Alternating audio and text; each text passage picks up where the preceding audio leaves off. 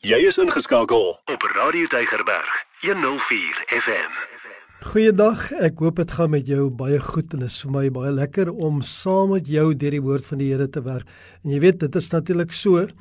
Ons praat met verskillende mense.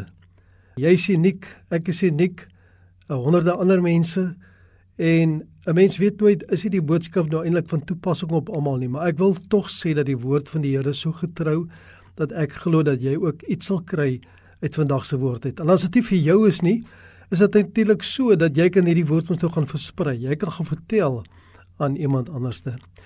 Nou ek wil vandag hê dat ons lees uit die boek wat Paulus geskryf het, die brief eintlik 2 Timoteus. En die apostel Paulus skryf in 2 Timoteus 'n besonderse brief aan sy seun in die geloof, Timoteus. Paulus is op hierdie stadium al 'n ou man En hy's eintlik besig met so 'n groetebrief. Dit is nou daardie laaste lering wat hy as 'n pa, wil ek amper sê, vir sy seun kom gee. En Paulus is onder slegte omstandighede in die tronk. Hierdie tronk was eintlik 'n ondergrondse tronk gewees. Maar tog te midde van hierdie slegte omstandighede gee Paulus om vir die welstand van Timoteus, maar baie spesifiek vir sy bediening. Dit gaan nie net oor Timoteus nie, dit gaan eintlik oor die evangelie. So terwyl hierdie brief gerig is aan 'n pastoor, pastoor Timoteus, is dit tot 'n groot mate van toepassing op elke gelowige wat sy roeping in Christus ernstig opneem. En ons behoort hierdie roeping in Christus ernstig op te neem. In hoofstuk 2 van hierdie brief is daar sewe metafore wat Paulus gebruik om die gelowige te beskryf. En ek wil jou nooi om saam met my en saam met Paulus te ondersoek eintlik wat beteken hierdie metafore vir jou en vir my vandag as gelowiges. Maar kom ons bid eers saam voordat ons dit doen. Vader in die hemel, dankie dat u woord nog steeds kragtig is vir ons en dat dit voedsel is vir vandag en elke dag hierna. En dankie Here dat ons altyd kan teruggryp na u woord toe, soos 'n naselwerk eintlik om weer te gaan kyk, maar hoe doen ek nou weer dit? Of hoe moet ek hieroor dink? Of hoe moet ek hieroor praat? Hoe moet ek my lewe indrig rondom hierdie saak wat nou voor my lê? Dankie dat u woord die waarheid is. Ons bid dit in Jesus naam. Amen. Nou die eerste metafoor vind ons letterlik in vers 1 en 2. 2 Timoteus 2 vers 1 en 2. Jy dan my seun Wees sterk deur die genade wat in Christus Jesus is en wat jy van my gehoor het onder baie getuies. Vertrou dit toe aan getroude manne wat bekwam sal wees om ook ander te leer. Nou as 'n seun of dan as 'n dogter, wees sterk is die woord van Paulus hier. 'n Seun of 'n dogter plaas ons as gelowiges onmiddellik in 'n verhouding. 'n Seun en 'n dogter het tog 'n vader en in hierdie geval 'n hemelse vader. Timoteus het in so verhouding met Paulus gestaan asof Paulus sy pa was, maar maar hy het ook natuurlik in 'n verhouding met sy hemelse Vader gestaan. Ons staan in so 'n verhouding met ons hemelse Vader en ons het hierdie verhouding ontvang deur Jesus Christus wat in Johannes 14 vers 6 gesê het ek is die weg en die waarheid en die lewe niemand kom na die Vader toe behalwe deur my nie. Hierdie verhouding maak ons ook erfgename volgens Romeine 8 vers 17. En as ons kinders is dan ook erfgename, erfgename van God en mede-erfgename van Christus, as ons naamlik saam met hom ly, sodat ons ook saam met hom verheerlik kan word. Maar Paulus het baie duidelik vir Timoteus gesê om sterk te wees deur die genade wat in Christus Jesus is. Dit is dis nie sy eie krag nie, maar krag wat in genade verwerf is deur Jesus wat hy eintlik vir ons namens ons ek kom doen dit.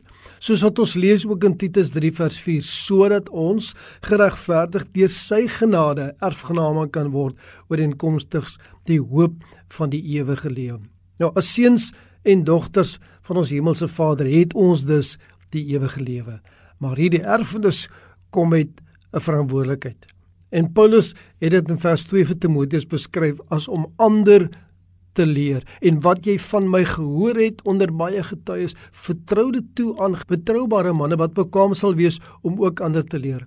Nou wanneer ons praat van predikers natuurlik en iemand met maar ander woorde wat in 'n amp van 'n predikant staan, dan sal ons natuurlik mos nou soek na spesifieke bekwamehede, soos waarvan Paulus ook hier vir pastoor Timoteus kom vertel het. Maar elke gelowige, elke persoon wat Jesus Christus bely, het ook die taak van leiding ontvang en die groot opdrag wat Jesus vir ons gegee het. En in hierdie genade van Jesus Christus het hy ons bekwam kom maak nie net met ons disippels maak nie, maar ons moet hulle ook leer. Dit sê die woord van ons baie duidelik. Daarom as 'n gelowige weet vandag jy is 'n seun of 'n dogter van die Allerhoogste God, van die Hemelse Vader en jy het 'n opdrag om die evangelie aan 'n ander te leer. Aan jou gesin, aan jou vriende, jou familie, jou kennisse, maak nie saak wie ook al op jou pad is nie. Elke persoon wat jou pad kruis, is 'n geleentheid vir jou om op te tree om iemand te leer om jou Vader in die hemel te bevredig en om tevrede te maak oor jou lewe hier op die aarde. Nou die tweede metafoor vind ons in die 3de en in die 4de vers van 2 Timoteus 2. Lei dan verdrukking soos 'n goeie krygsman van Jesus Christus. Niemand wat 'n krygsman is, wikkel hom in die werksamehede van die lewensonderhoud nie, sodat hy die een kant behaag wat vir hom onverdiens gewerf het. Nou as 'n soldaat ly verdrukking, is eintlik wat Paulus vir Timoteus kom sê. Hierdie verdrukking behoort nie vir my en vir jou nuus te wees nie. Ons beleef dit elke dag. Paulus sê vir Timoteus dat hy moet ly soos 'n krygsman van Jesus Christus, met ander woorde soos 'n soldaat. Jesus het, het juis in Johannes 16 vers 33 kom sê in die wêreld sal julle verdrukking hê maar hou goeie moed. Ek het die wêreld oorwin. Wat 'n woord vir my en vir jou. Die verdrukking wat ons volgens ons eie definisie in hierdie wêreld lê het dikwels te doen met lewensonderhoud. Baie goed wat ons op die tafel het dit wat ek moet aantrek. Die dinge wat ons dink ons absoluut nodig het om vir ons 'n goeie lewe op hierdie aarde te gee. En dis die dinge wat die wêreld en die duiwel natuurlik teen ons kom gebruik. Dis die dinge waarvan Jesus eintlik in Matteus 6 vers 25 gesê het, daarom sê ek vir julle moenie julle kwel oor julle lewe wat julle sal eet en wat julle sal drink nie of oor julle liggaam wat julle sal aantrek nie. Is die lewe nie meer as die voedsel in die liggaam as die klere nie? En dan ook in vers 32 en 33 want na al hierdie dinge soek die heidene want julle hemelse Vader weet dat julle al hierdie dinge nodig het. Maar soek eers die koninkryk van God en sy geregtigheid en al hierdie dinge sal vir julle bygevoeg word.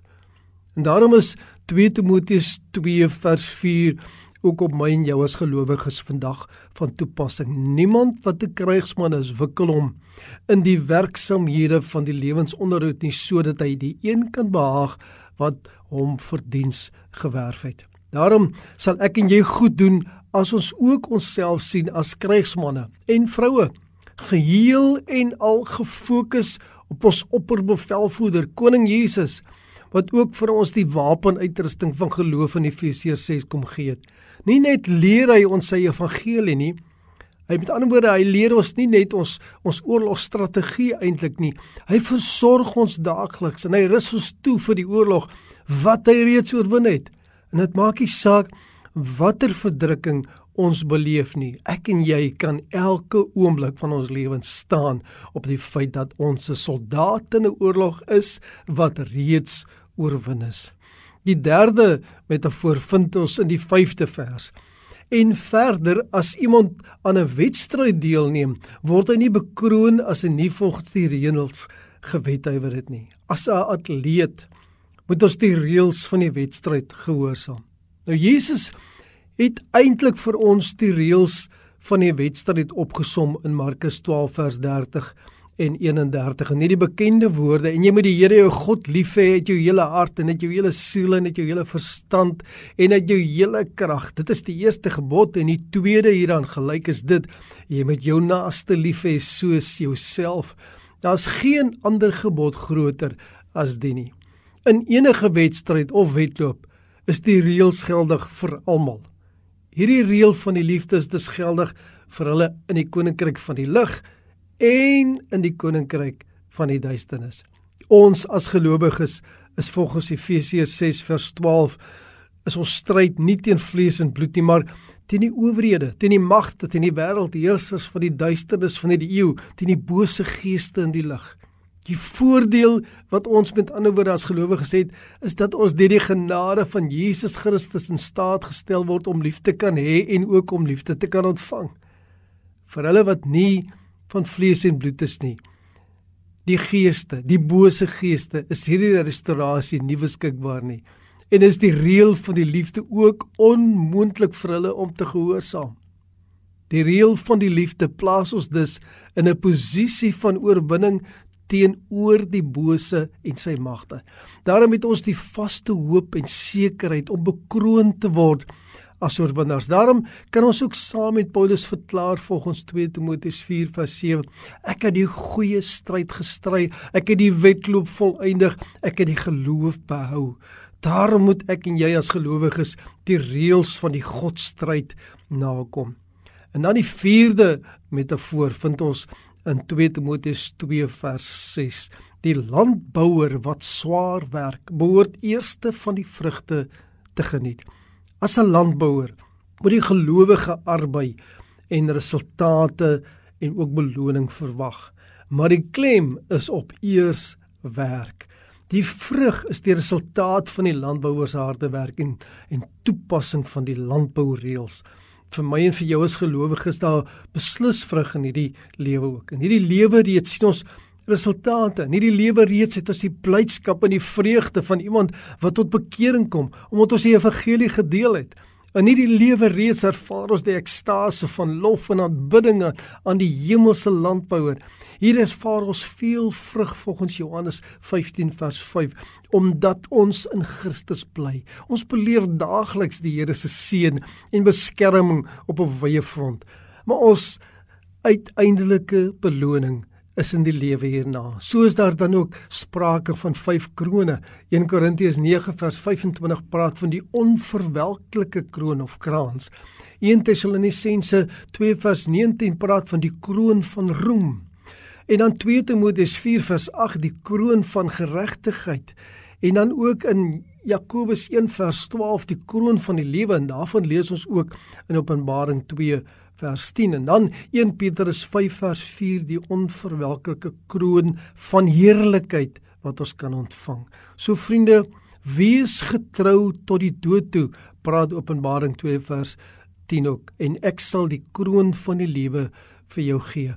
Ek en jy Ons moet absoluut hard werk in die akker wat die Here vir ons gegee het op hierdie aarde. Ons is hier landbouers tot eer van die hemelse landbouer. In die 5de metafoor vind ons in die 15de vers van 2 Timoteus 2. Lê jou daarop toe om jou beproef vir God te stel as 'n werker wat hom nie hoef te skaam nie, wat die woord van die waarheid regsny. As 'n werker moet ons ywerig wees en God se woord reg sny. Met ander woorde, ons moet God se woord reg verstaan en reg verduidelik en reg leer. Ons moet beproef voor God wees. Wat beteken dit? Om beproef te wees beteken onmiddellik daar is deursettingsvermoë. Die werker het al lank gewerk en hom of haar self bewys as iemand wat al hoe beter werk, wat aanhou en nie uitsak en nie moet opgee nie as iemand wat met groot ywer en groter wordende ywer en lojaliteit werk. Dit sluit die vrug van die Gees in volgens Galasiërs 5:22, maar die vrug van die Gees is liefde, blydskap, vrede, lankmoedigheid, vriendelikheid, goedheid, getrouheid, sagmoedigheid en selfbeheersing. Die fokus is op die werkgewer, in hierdie geval die Here. Die werker wil hom behaag. Paulus het dit ook in Filippense 3 vers 14 so beskryf as maar een ding ek vergeet die dinge wat agter is en ek strek my uit na wat voor is en gee ag na die doel om die prys te verkry van die hoë roeping van God in Christus Jesus. Jy kan sommer hoor hoe Paulus seker maak daarvan dat hy al hoe beter doen en dat hy aanhou. Vriende, kom ons werk onver poost voort om God te behaag ten spyte van al die moeilikheid wat ons in hierdie lewe mag ervaar. Wat is die werk wat ons moet seker maak ons doen reg en beproef? Ons moet die woord van die Here lees. Ons moet dit ontleed. Ons moet dit bestudeer. Ons moet dit verstaan en dit sal niks help as ons dit vir onsself hou nie. Ons moet dit aan ander leer. So arbei ons as landbouers in die akker van die Here op hierdie aarde.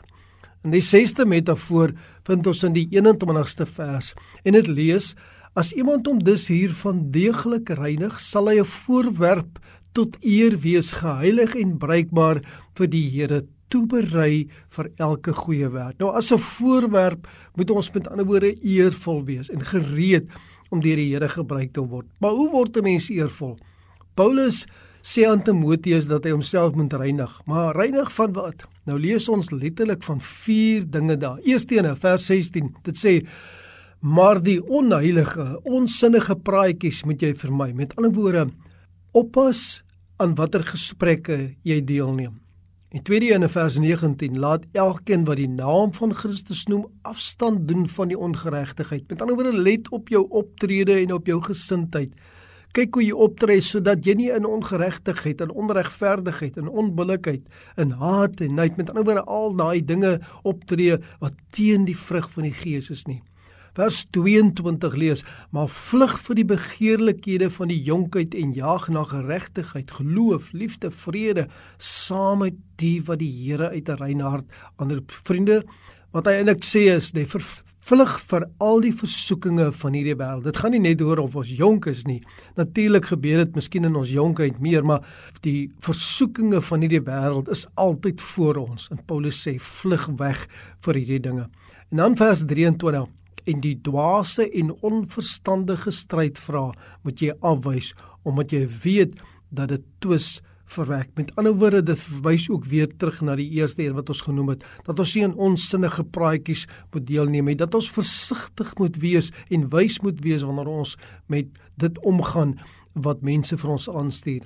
So vriende, vandag, miskien meer as ooit tevore, moet ons let op wat ons luister, ons moet let op waarna ons kyk, Ons moet let op wat ons self sê, wat ons op sosiale media versprei en uiteindelik sommer net wat ons glo wat hierdie wêreld aan ons voorhou. Die standaard vir die Here staan vas dat ons heilig moet wees soos wat hy heilig is, volgens 1 Petrus 1:16. Ten spyte van ons sondige natuur moet ons steeds voortdurend streef na heiligheid want dit is een van die dinge met ander woorde soos wat ons net nou gelees het van Paulus ook dat hy dit agterlaat en hy streef na dit wat voorlê. Dit behoort altyd ons strewe, ons hartsbegeerte te wees om bruikbaar te wees in die hand van die Here. En dan sal die woorde in Openbaring 20 vers 6 ook vir ons waar wees. Salig en heilig is hy wat deel het aan die eerste opstanding. Oor hulle het die tweede dood geen mag nie, maar hulle sal priesters van God en van Christus wees en sal saam met hom as konings regeer 1000 jaar lank. En dan die laaste en die sewende metafoor vind ons in die 24ste vers. En 'n dienskneg van die Here moenie twis nie, maar vriendelik wees teenoor almal, bekwaam om te onderrig en een wat kwaad kan verdra. As 'n dienskneg met ander woorde sê Paulus, moet ons sagmoedig wees, vriendelik en behulpsaam. Miskien is dit die moeilikste van die sewe. Selfs Jesus se disippels het hiermee gesukkel. Hulle wou ereposisies langs die toekomstige koning geniet. Jesus moes hulle letterlik kom leer wat dit beteken om bedienstig te wees, deurdat hy self 'n handdoek en 'n skottel met water gevat het en na op die einde, net voor sy arrestasie tydens die instel van die nagmaal, het hy hulle voete gewas. En so moedig Paulus ons ook aan in Filippense 2 vers 3 moenie iets doen uit selfsug of uit ydelle eer nie want jy weet mos nou as jy dit so doen dan kan jy nie dienskneg wees nie. Dan gaan hy aan maar in nederigheid moet die een die ander hoër ag as homself. Met ander woorde mense kan eintlik maar die woorde sê moet ons mekaar dien. Geliefdes ons kan nie anders as om die voorbeeld van Jesus te volg nie. Ons moet die Here dien en ons moet mekaar dien met die liefde en die gawes wat ons van die Here ontvang het Die vereiste om dienstig te wees is baie hoog. Dis nie maklik om kwaad teen jou te verdra nie. Maar 'n dienskneg doen dit dikwels ten opsigte van 'n onregverdige baas, maar ons daarenteen het 'n regverdige, liefdevolle meester. Maar ons verdrukking kom dikwels van ander mense af, selfs medegelowiges. Miskien is ek en jy in die kategorie wat ander mense verdruk, wat ander gelowiges se lewe vir hulle moeilik maak omdat ons selfsugtig is. En dit is hier waar ons kies om kwaad te verdra en dan ook indien onskuldig daarin is om nie kwaad te veroorsaak nie. En nou kan ek ook seker vra, wat sal 'n mens nou van al hierdie dinge sê? Wat sal 'n mens sê van hierdie sewe metafore?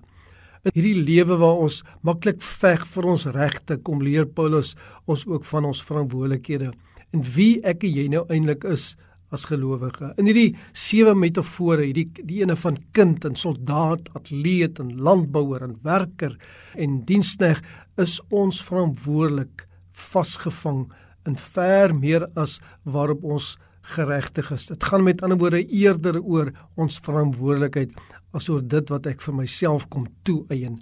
Dit is alles waarlik net genade. Kom ons leef dan ook in genade. Vandag so gou as moontlik wees een of almal van hierdie metafore vir die Here in die eerste plek, maar ook vir 'n mens wat jou pad kom kruis. Mag die Here hierdie woord in jou hart en in jou verstand seën. Kom ons bid saam. Hemelse Vader, ek wil maar weer kom vra dat U ons sal vergewe as ons sukkel om te wees wat U apostel Paulus vir ons hier kom leer, geïnspireer deur U Heilige Gees. Here, ons weet dit is U woord en ons vra Here dat U ons vergewe, dat U ons bevry van ons teekanting teen dit. En ek bid Vader dat U ons weer eens bekwam sal kom maak. Toerus om te wees wat U wil hê ons moet wees, te wees hoe U wil hê ons moet wees, Here, sodat ons regtig bruikbaar in U hand kan raak. Dankie Here vir die groot wonder en diepte van U woord. Dankie dat U ons weer eens kom leer het. In Jesus naam bid ons dit. Amen. Elke dag jou nommer 1 keuse. Radio Deugerberg 104 FM.